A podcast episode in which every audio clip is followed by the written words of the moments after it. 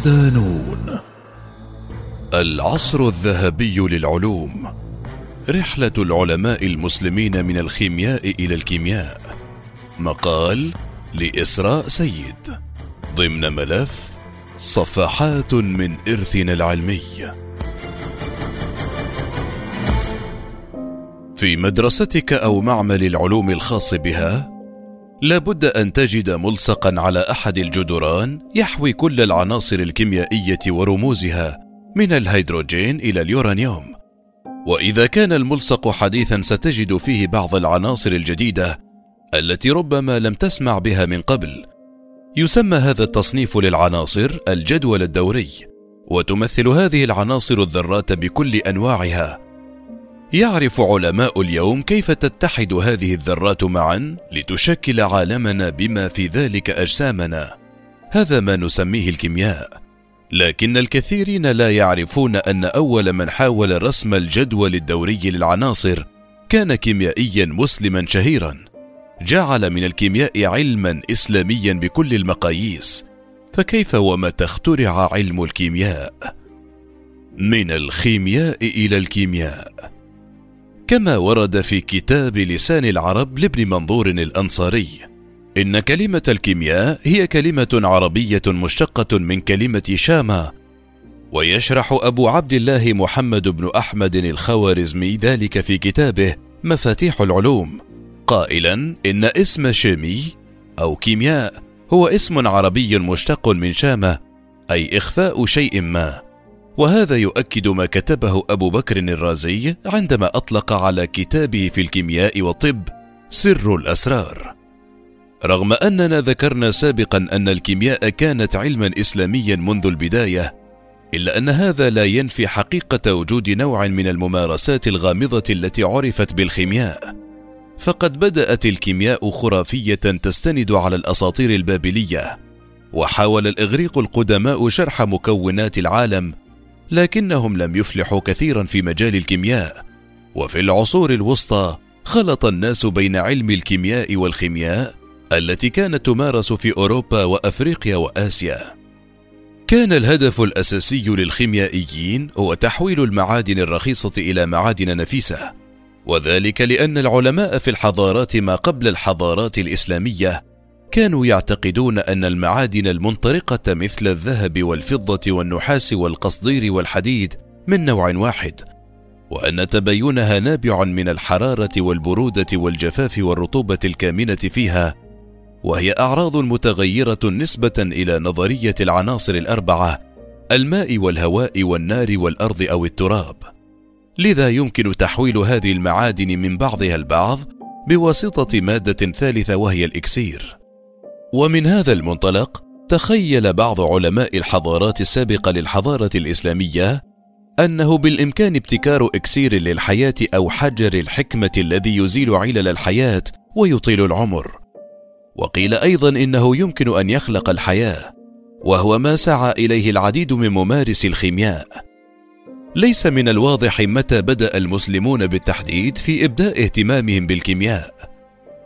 ولكن تم الاتفاق على أن خالد بن يزيد ابن معاوية الأموي الذي عاش بين 655 و 704 للميلاد كان أول مسلم يهتم كثيرا بهذا العلم حيث كان مرشحا للحكم وعندما لم يفز أعاد توجيه جهوده من السياسة إلى العلم وروي أنه كلف بعض الأقباط الناطقين بالعربية مثل ميرينوس وشمعون وإصفان الإسكندري بجمع بعض أبحاث الكيمياء الموجودة بالإسكندرية وترجمتها إلى اللغة العربية.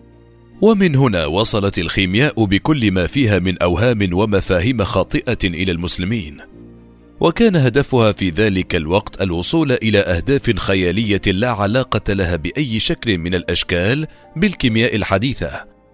لأن الأخيرة مبنية على قوانين وأسس علمية.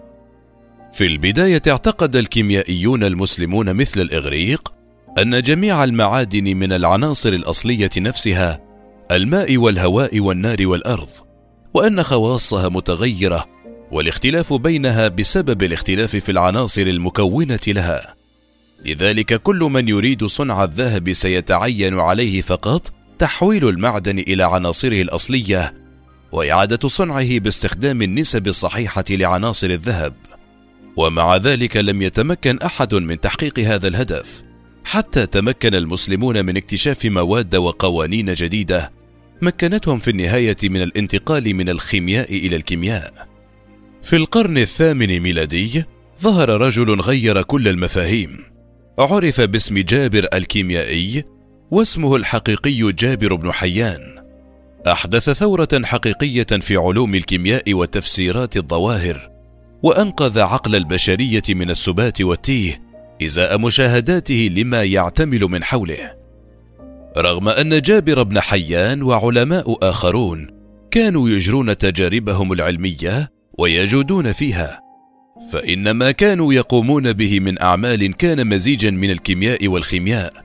حيث يعني لفظ الكيمياء باللغة الإنجليزية chemistry وهو مشتق من كلمة الخيمياء. لكن في حين أن علم الكيمياء الحديث بات علما مستقلا ارتبطت الخيمياء قديما بالخرافة والسحر. بالنسبة إلى خلفه من العلماء عرف ابن حيان بلقب الصوفي أو المتصوف لأنهم اعتقدوا أن أعماله لم تختلف عن السحر.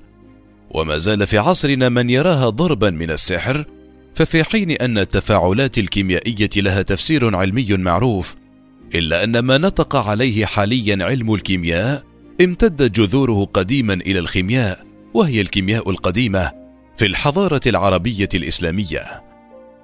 في الواقع كان الناس ينظرون إلى جابر نفسه بنوع من الارتياب لكن ذلك يعود إلى طريقته في الكتابة فقد سجل في كتبه نتائج التجارب التي أجراها في مختبره بطريقة معقدة للغاية لكن تلك الرموز الغريبة كانت تخفي علوما مدهشة لدرجة أننا نعتبر جابر اليوم أحد أوائل الكيميائيين في العالم بسبب تجاربه المفصلة.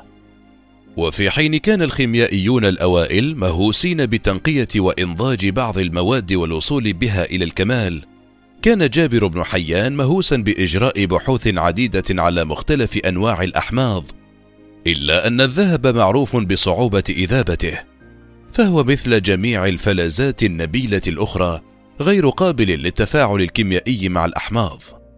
ثمة حمض واحد بإمكانه القيام بهذه المهمة وهو حمض اكواريجيا ويعني اسمه الماء الملكي لأهميته البالغة في الكيمياء والتعدين. وقدرته على إذابة البلاتين والذهب. وهناك اعتقاد بأن جابر بن حيان هو أول من قام بتقطيره من حمض النتريك والهيدروكلوريك. ولم تكن الكيمياء في بداياتها تتوقف على حدود الخيمياء حيث إن العديد من التطورات التي شهدها علم الكيمياء كان الإسلام الدافع الحقيقي وراءها. فقد أدى الاهتمام بالنظافة باعتبارها شرطا من شروط الإيمان في الإسلام إلى تطوير صناعات بكاملها. منها تطور صناعة الصابون حيث تبين أن أول قطعة صابون جافة صنعت في بلاد المسلمين. الكثير من العمليات الكيميائية التي طورها ابن حيان ساهمت في صناعات ذلك الزمان. فقد كتب حول الفوارق بين الأحماض والقلويات كما أن كلمة قلوي في اللغة العربية مشتقة من لفظ القالي. وتعني رماد العشب الملحي والتي تشير إلى المصدر الأصلي للمواد القلوية. وبالطبع تستخدم القلويات في صناعة ألواح الصابون المعطرة التي كانت اكتشافا جديدا. العصر الذهبي للكيمياء. بين القرنين الثامن والرابع عشر عاشت بلاد الإسلام عصرا ذهبيا ازدهرت خلاله العلوم والمعارف. حيث نجح علماء من بلاد المسلمين في طرح مدخل تجريبي رصين للعلوم وحولوا خرافة الخيمياء أي صناعة الكيمياء إلى علم مستقل قامت عليه الصناعات الكيميائية التي أعادت صياغة العالم الحديث.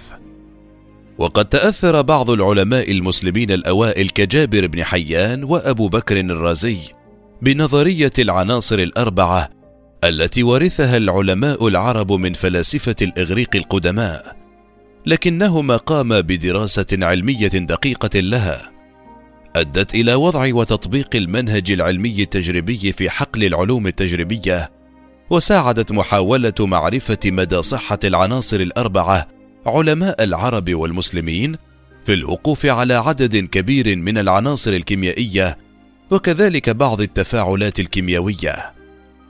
شرع علماء العصر الذهبي للعلوم في تطبيق المنهج العلمي في مجال الكيمياء، فقد كانوا يجرون تجاربهم بطريقة مثلت قفزة هائلة في منهجية التفكير الفلسفي أو المجرد التي اتبعها الإغريق القدماء، والتي استندت إلى الرأي المجرد من التجربة العلمية لتفسير كل الظواهر الطبيعية ومعرفة حقيقة المواد الصلبة والسائلة والغازية.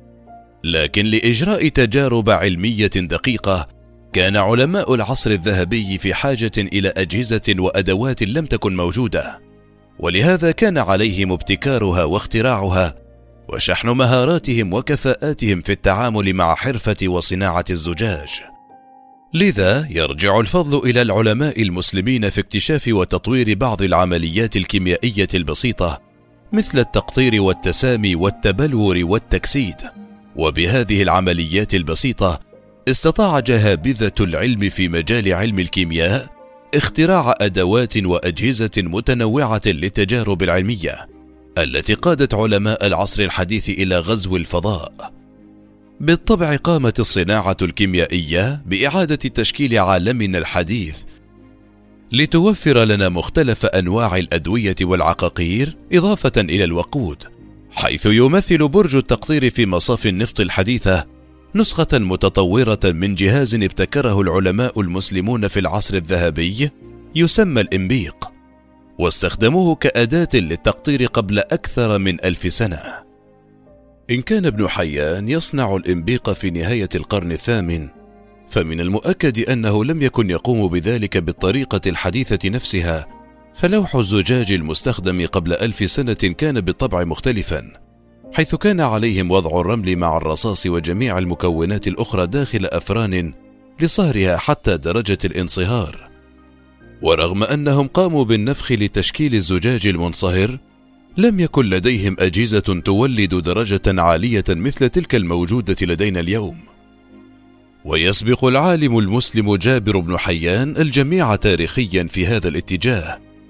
ويعتبر أول عالم في العصر الذهبي فقد أجرى الكثير من التجارب والعمليات الكيميائية التي لا يزال معظمها مستخدما على سبيل المثال التكليس أو الترسيب أو التقطير.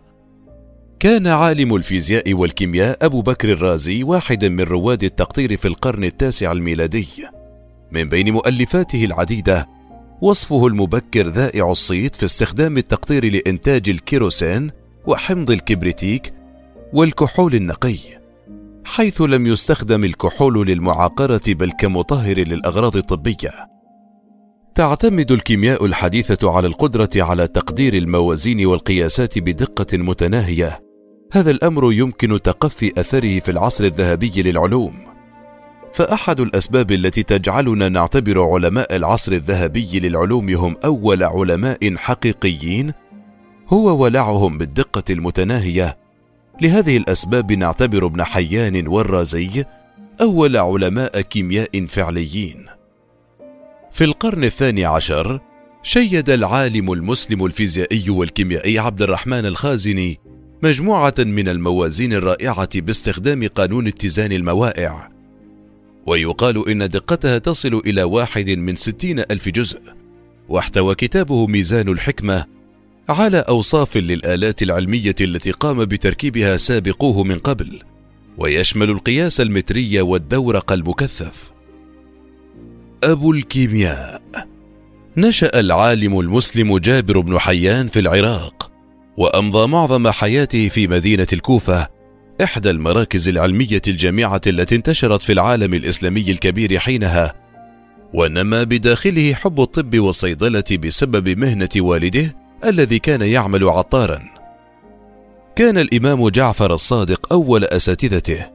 علمه مبادئ الكيمياء والفلك والطب والصيدله وفر مع أسرته إلى اليمن عقب مقتل أبيه على يد الأمويين بسبب مساندة العباسيين وأكمل دراسته على يد العالم حربي الحمير.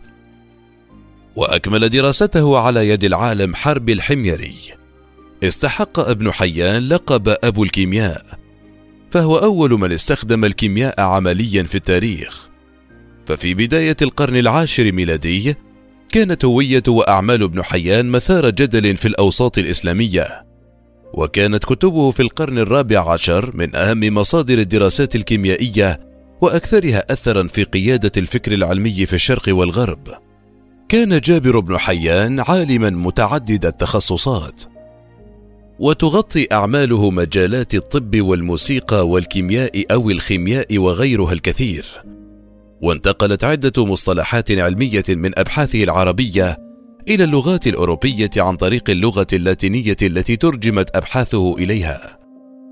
ثمة آلاف المخطوطات التي تنسب إلى ابن حيان وهي أكبر بكثير من قدرة رجل واحد على تأليفها ولهذا يعتقد أن الكثير من العلماء المتأخرين نحلوا مخطوطاتهم العلمية باسمه تقديرا منهم له. وبغض النظر فإن لابن حيان الفضل في تطبيق منهجية التجريب في الكيمياء. وصفه ابن خلدون وهو بصدد الحديث عن علم الكيمياء فقال إمام المدونين جابر بن حيان حتى أنهم يخصونها به فيسمونها علم جابر وله فيها سبعون رسالة كلها شبيهة بالألغاز. ومن أهم الإسهامات العلمية لجابر بن حيان في الكيمياء إدخال المنهج التجريبي إليها وهو مخترع القلويات المعروفة في مصطلحات الكيمياء الحديثة باسمها العربي وهو صاحب الفضل فيما عرفه الأوروبيون عن ملح النشادر وماء الذهب والبوتاس. وهو كذلك أول من أدخل عنصري التجريب والمعمل في الكيمياء.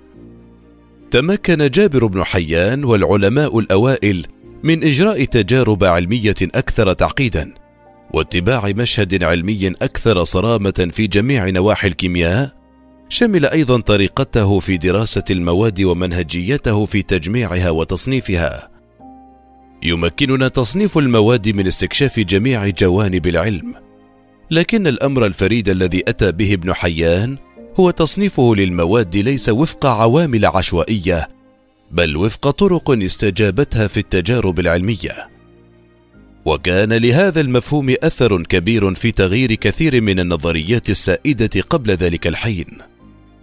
لقد كان جابر بن حيان في تطبيقه للمنهج العلمي في تجاربه في بدايته وشرع بعده علماء كيمياء آخرون مثل الكندي والرازي وتستند الطريقة التي نتبعها في علم الكيمياء اليوم إلى تنظيم وترتيب العناصر الكيميائية والعناصر ودراسة خواصها تماما مثل سلسلة التفاعل.